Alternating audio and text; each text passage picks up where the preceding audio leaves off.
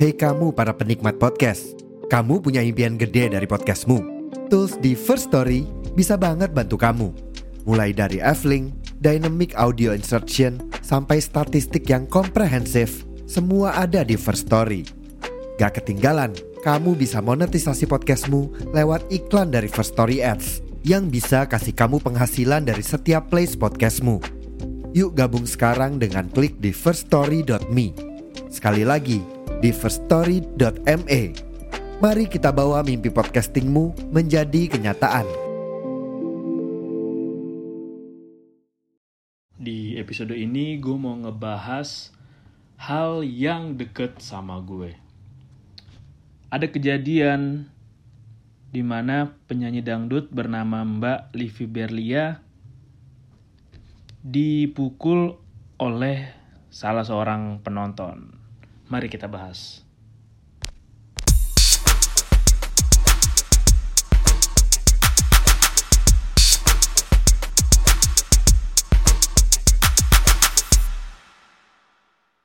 Berita ini pertama kali muncul di Twitter gue atau di X.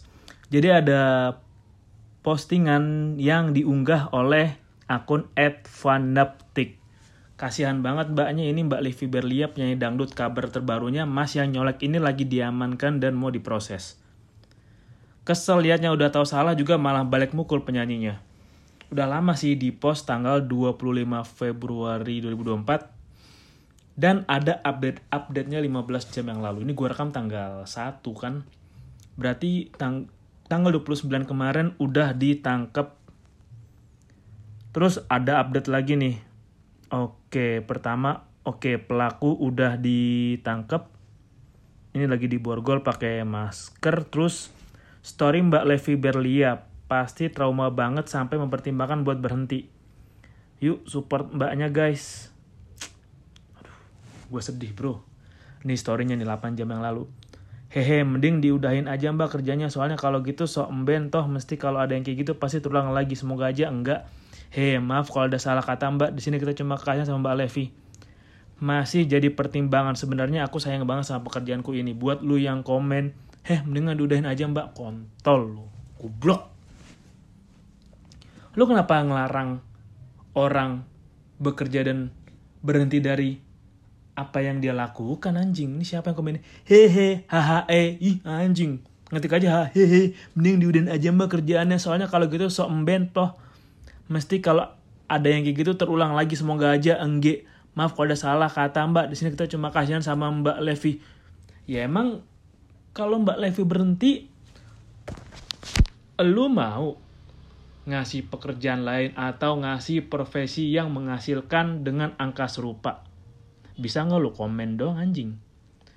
Terus ada lagi update-nya nih korbannya hmm, bukan cuma Mbak Levi emang kurang ajar banget nih orang. Nih gue lihat potongannya di Twitter. Coba gue lihat videonya ya. Nih Mbak Levi kenapa lagi nih? Bentar bentar. Ada rambut gondrong juga. Mana? Satu menit 30 detik belum jalan-jalan nih. Ntar lakui biange se viral. Cuma 26 7 mana nggak? Orang yang sama kali ya. Bentar gue cepetin gue cepetin. Ntar deh menit detik 36 kenapa nih orangnya? Bukan cuma Mbak Levi emang kurang ajar banget nih orang. Oke, gue lihat nih di acara dangdutan ada teh manis. Ada bir bintang juga. Oke hmm emang megang. Oh emang ada di videonya di ngepost juga nih si akun fanaptik. 14 jam yang lalu di akun TikTok Arseka Musik. Ini kayaknya di Jawa di Jawa di Jawa mana? Tengah timur? Aduh anjing anjing. Ini lumayan deket dan bahkan deket sama gue karena emang bokap gue punya usaha penyewaan sound system. Gue kenal dengan beberapa penyanyi.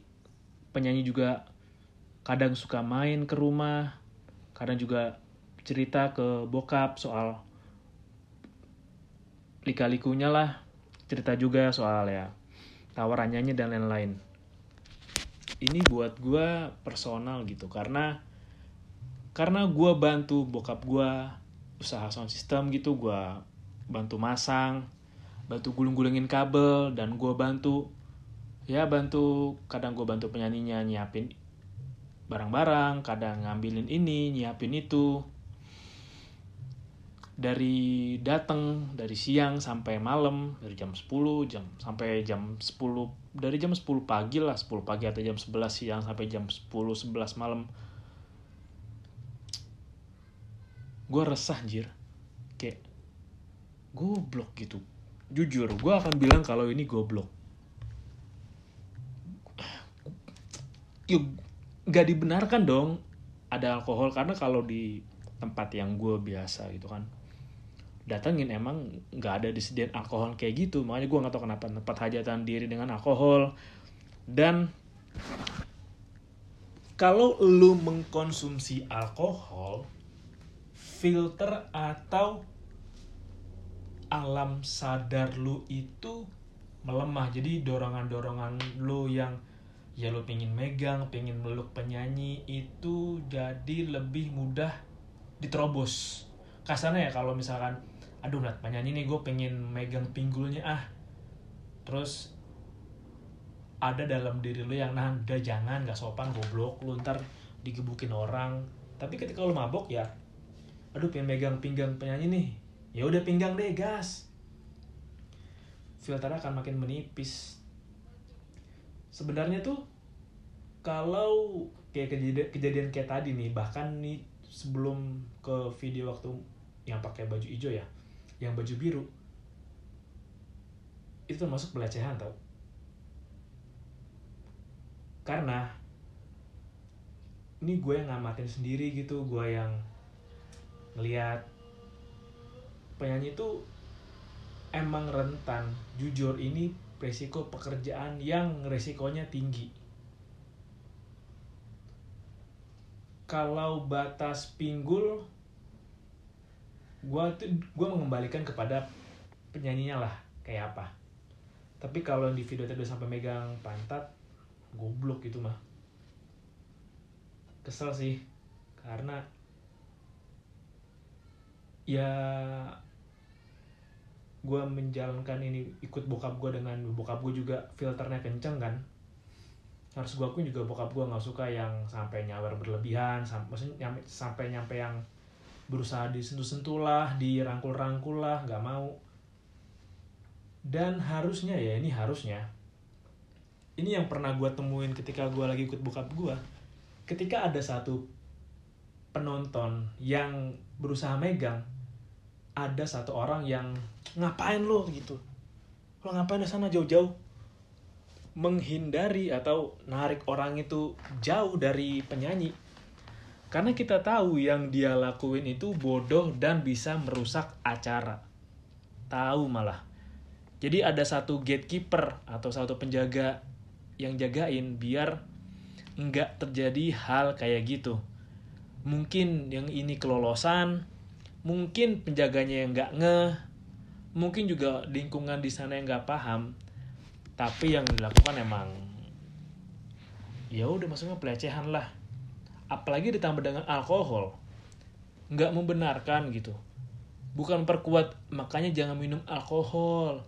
Nanti jadi suka berperilaku merugikan ketika mabuk ini gue sempat ngobrol sama teman gue juga gue nggak tahu deh ini apakah ada penjelasannya atau apa atau apakah ada teorinya jadi ya ketika orang mabuk ada beberapa tipe. Ada yang habis minum alkohol banyak. Yaitu kalau tadi kan alkohol kayaknya alkohol yang botolan kan ya, beser. Gitu kayak bawaannya pengen kencing. Ada yang ngantuk. Ada yang temperamen. Kayak marah-marah gitu. Ada yang ngomong bulu nggak berhenti-berhenti. Ada yang rusuh. Nah ini kategorinya kayak yang terakhir yang rusuh nih. Harusnya karena kalau dilihat kan dia kayaknya akamsi kan kalau emang dia tahu dia tipikal yang ketika lagi mabuk dia rusuh orang di sekitarnya harus bisa sadar itu harus cepat bertindak karena ketika ada kejadian kayak gini nih ke- kejadian yang merugikan kayak gini yang rugi itu banyak banget. Dari pemilik hajat yang nggak tahu bakal kejadian kayak gini yang punya usaha sound system. Dan beban paling berat adalah penyanyinya. Berat lah. Berat banget loh kadang penyanyi itu dibayar nggak seberapa tapi dengan risiko yang ya besar. Dan jam nyanyi itu jam kerjanya kan ya Sabtu Minggu dari jam 10 jam 11 sampai jam 9 jam 8 9 10 11 nyanyi dalam waktu yang lama. Kan ada, kan ada istirahatnya bang. Ya istirahat berapa lama? Kalau gue biasanya nyanyi tuh ya 3 4 lagu satu penyanyi gantian satu penyanyi penyanyi lagi. Makanya biasanya tuh ketika lagi ada hajatan make dua penyanyi untuk gantian. Dua penyanyi kadang satu MC satu penyanyi satu MC yang merangkap bisa nyanyi atau satu penyanyi dan S dua penyanyi dan satu MC jadi tuh gantian karena lu yang karaoke nyanyi sejam aja ngap lu beneran dah. Emang lu kuat nyanyi sejam gak ganti-ganti mungkin sekali dua kali iya kuat aja lah wih kuat gua gitu loh. Gue juga pernah ngeliat ada orang yang kuat nyanyi karaoke dari jam 12 malam sampai jam 4 pagi ada. Tapi ini kan pekerjaan. Lu dituntut bisa tampil dengan menarik secara visual. Suara yang dibawakan juga harus baik. Mampu menarik penonton untuk nyawer narik saweran dan menjaga kualitas suara lo selama 4 jam itu. Ini katakan kayak tadi itu juga berat bro berat. Apalagi ditambah risiko kayak gini. Yang gue sering amatin dari penyanyi bokap gue itu namanya baju. Siang ke malam ganti kostum belum riasnya ya kan belum nahan lapernya karena ketika lu lihat penyanyi di atas panggung kebanyakan emang nggak makan berat karena emang ya paling yang nyemil nyemil nyemil. Itu nahan lapar bro. Penghasilan juga nggak seberapa belum lagi kalau dapet manajemen atau penyewa sound yang kayak tai. Lu kayak tai nggak? Gue pernah dapet cerita lagi ngumpul gitu kan istirahat nih. Gue denger denger aja lah sambil main game. Oke, pernah pak aku ikut sama pak ini. Wih sawerannya dibawa sendiri. Ada yang kayak gitu? Ya ada lah. Beragam cerita. Belum kebagian yang dia lagi nyanyi dapat pemain organ yang nggak bisa nyesuaiin suaranya. Belum juga lagi nyanyi kedapatan tempat yang wah ekstrim. Dalam artian ekstrim tuh kayak misalkan bawahnya got gede atau nggak jauh dari tempat sampah atau kalau lagi nampil nyanyi nggak ada nyediain air di panggung. Nggak ada yang bawain cemilan. Siang-siang nggak ada nyediain kipas. Ini profesi yang seniman tapi dihargain sebelah mata. Makanya kemarin gue udah siapin kan. Penawaran gue ya gue coba tawarin lah pemberian tunjangan untuk seniman dengan kriteria-kriteria yang udah ya gue tulis aja lah gue bukan ahli gue cuma orang yang ingin para pelaku seni penggiat seni orang yang bekerja untuk seni baik yang menyediakan alatnya alat untuk mereka yang menyediakan fasilitasnya sanggarnya alat pendukungnya bisa punya kehidupan yang lebih baik gue pernah dapet cerita juga dari penyanyi gue ya gue bilang ini pekerjaan yang berisiko tinggi dengan penghasilan gak seberapa. Lu bayangin deh kadang tuh ada orang yang menggantungkan hidupnya dari kerjaan Sabtu Minggu. Jadi Senin sampai Jumat full dengan anak, dengan keluarga, atau bantu-bantu di rumah, bantu-bantu usaha orang tua, Sabtu Minggu ya nyanyi. Kan kalau orang nyanyi juga butuh latihan ya. butuh namanya belajar gitu. Kosakata lagu, nyamain nada, ngelatih vokal biar tetap bagus. Milih kostum. Kostum kan gak cuma baju, sepatu, harus punya ya ikatan rambut yang bagus. Make up, emang lu kata make up kagak beli para penyanyi?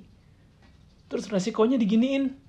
Terus mereka kayak, ya gue penggiat seni terus gue nggak ada jaminan gitu gue mesti gimana biar aman.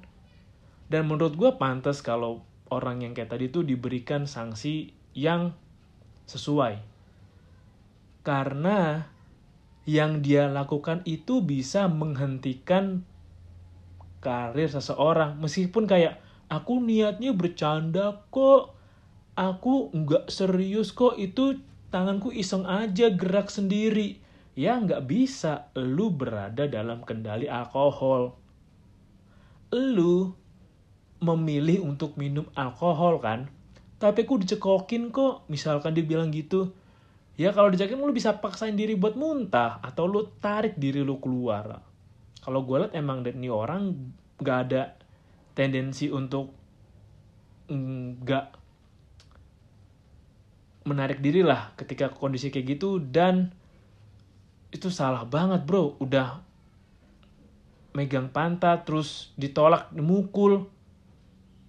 Orang waras mana yang kalau ditolak itu langsung mukul coba? Orang waras mana? Laki mukul cewek karena kayak gitu. Pasangan bukan kenal bukan temen bukan. Kalaupun temen juga gila kali ngelakuin kayak gitu ya apa?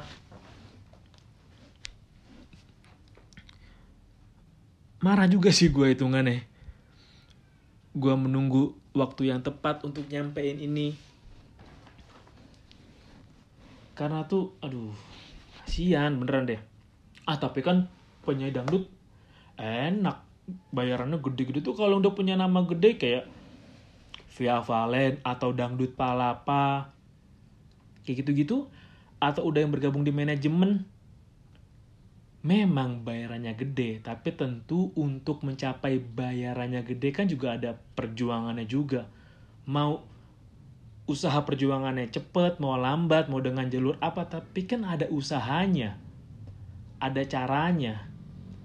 Dan yang lu lihat itu atas-atasnya aja. Lu lihat ke bawahnya itu, aduh. Ini karena emang gue sering ngamatin gitu kayak bokap gue nyari penyanyi. Ada yang pernah cerita juga dulu udah lama nggak dapet job udah lama nggak diajak nyanyi. Ya sekarang paling nyanyi seminggu sekali belum lagi ketika pandemi. Ya oke okay lah mereka yang bayarannya gede udah ikut manajemen. Itu punya tabungan untuk bertahan selama pandemi. Tapi buat yang penyanyi biasa yang lo lihat di panggung hajatan gitu, sunatan, nikahan, ya mereka hidup dari hari ke hari. Tapi kan ada suaminya kan bisa mengandungkan diri pada suaminya. Ya lu nggak bisa meratakan dan menyamakan apa yang ada di sepatu lu dengan sepatu orang lain. Kita bersepakat bahwa pendapat kita berbeda dan ya lu tahu pendapat lu nggak bisa disamain bro. Lu nggak berada dalam posisi mereka lu nggak tahu rasanya perjuangan dan beratnya di posisi mereka kayak apa. Gue juga pernah ada cerita. Penyanyi itu juga ada yang keluh kesah ini aku pulang malam banget ya. Ini nanti pulang gimana nih tempatnya gelap jauh. Karena ya mereka harus jemput rezeki kan. Misalkan rumah di Jakarta Timur tapi yang nawarin Jakarta Pusat dan udah deal ya dia harus ke Jakarta Pusat. Ini juga nggak tahu apakah daerah perumahan kah kafling kah komplek kah atau daerah yang masih perbatasan dengan hutan-hutan kah atau dengan di kebun kosong kah. Ya pulang malam juga serem takut kena palak. Pulang sendiri takut ya kan jalanan pada ngebut, banyak kendaraan besar, resikonya tinggi banget. Ini masih di daerah, hitungannya gue pinggiran ibu kota. Ya kalau di daerah, belum ketika si penyanyi udah berumah tangga ya lu bayangin aja kalau itu istri lo gitu yang berjuang gitu yang bantuin perekonomian yang udah nyanyi dari siang ketemu malam dan lu nggak dukung dan lu nggak sabar-sabar dan lu nggak bantu dia tapi lu marahin lu jutekin terus ya lagian kamu nyanyi. Emang kamu gak ada pekerjaan lain. Tapi kan aku senang tapi kan emang aku bahagia dengan nyanyi. Bersyukur emang ada tipe yang bahagianya karena nyanyi senangnya karena nyanyi. Bukan karena keadaan dia mesti nyanyi. Penyanyi bokap gue juga pernah cerita aku tuh seneng kalau diajak bapak nyanyi. Karena tuh sudah sampai Jumat aku pusing sama keadaan di rumah. Hiburan aku ya keluar nyanyi. Aku seneng ketawa tiwi dapat uang. Lupa dengan masalahku ya udah habis itu pulang. Ada kan? Nah ini gue nggak tahu untuk mbak Livi Berlia. Dan wah ini yang paling anjing. Anjing banget. Lu tahu apa anjingnya? Ada yang nyalahin kostumnya. Beneran nyalahin kostumnya nih. Di akun Instagram Hasan underscore Ruslan. Kalau nggak mau dilecehin jangan jadi biduan dangdut please. Pekerjaanmu saja sudah diharamkan dalam Islam. Si paling paham, si paling bener. Goblok, nyalain baju goblok. Gini ya, lu kan, gua kan, kita kan orang nih. Orang, kita orang nih kalau di depan kita ada duit tergeletak 100 juta di plastik, kan lu punya pilihan dong. A. Ngambil. B. Jangan diambil karena itu bisa jebakan. Dan C. Kalau diambil, ntar lu jadi korban tumbal. Lu kan bisa milih anjing. Maksudnya, ya ketika lu melihat apa kan lu bisa pilih respon lu ini pola pikir sederhana gila kayak misalkan bayi nih di depannya ada pilihan di bayi umur 3 tahun depannya ada pilihan kok bulu tangkis sama keju cheddar kan bocah jalan kan kayak hmm aku harus milih yang mana ya apakah aku harus memilih semuanya? Ya enggak dong. Pasti pilih satu cobain di kok bulu tangkis, di raba-raba, di remes-remes gigit. Gak enak. Nyobain satunya. Nyobain keju cheddar. Pegang-pegang gigit, dicobain, hmm, enak. Ya kan lu bisa milih. Misalkan lu jadi bayi, terus lu nyalahin kok gitu depan lu kayak, hmm koknya gak enak nih, gak usah aku makan, ah kan lu bisa pilih pilihan yang lain gue pilih keju cheddar aja deh yang enak ya kan lu bisa milih anjing kenapa lu nyalain korban? Dan untuk di tahap Mbak Livi gue yakin tuh perjuangannya berat. Gue yakin karena kalau dilihat tempat dangdutannya ya ini tempatnya proper bagus musiknya luas nih. Baju, baju merah juga responnya telat di video. Ketika tahu ada megang langsung sigap pak. Jangan diem baik. Sigap langsung amanin bekep cuma ngelarang gitu mah apaan? Nah langsung bekepnya kelamaan. Karena itu butuh kesadaran serius dah. Walaupun emang pekerjaan yang gue lakuin ya lah angkat-angkat sound angkat-angkat barang. Lah emang gue juga kuli angkat barang tapi gue tahu gue punya otak gue kalau penyanyi gue sekiranya dalam bahaya gitu berusaha terjadi pelecehan ya gue harus sigap ngamanin. Ya gue nggak mau. Nanti yang rugi banyak pihak penyanyinya nggak mau ikut ketika diajak penyanyinya trauma tuan rumah penyanyinya juga yang tuan rumah yang ngadain juga.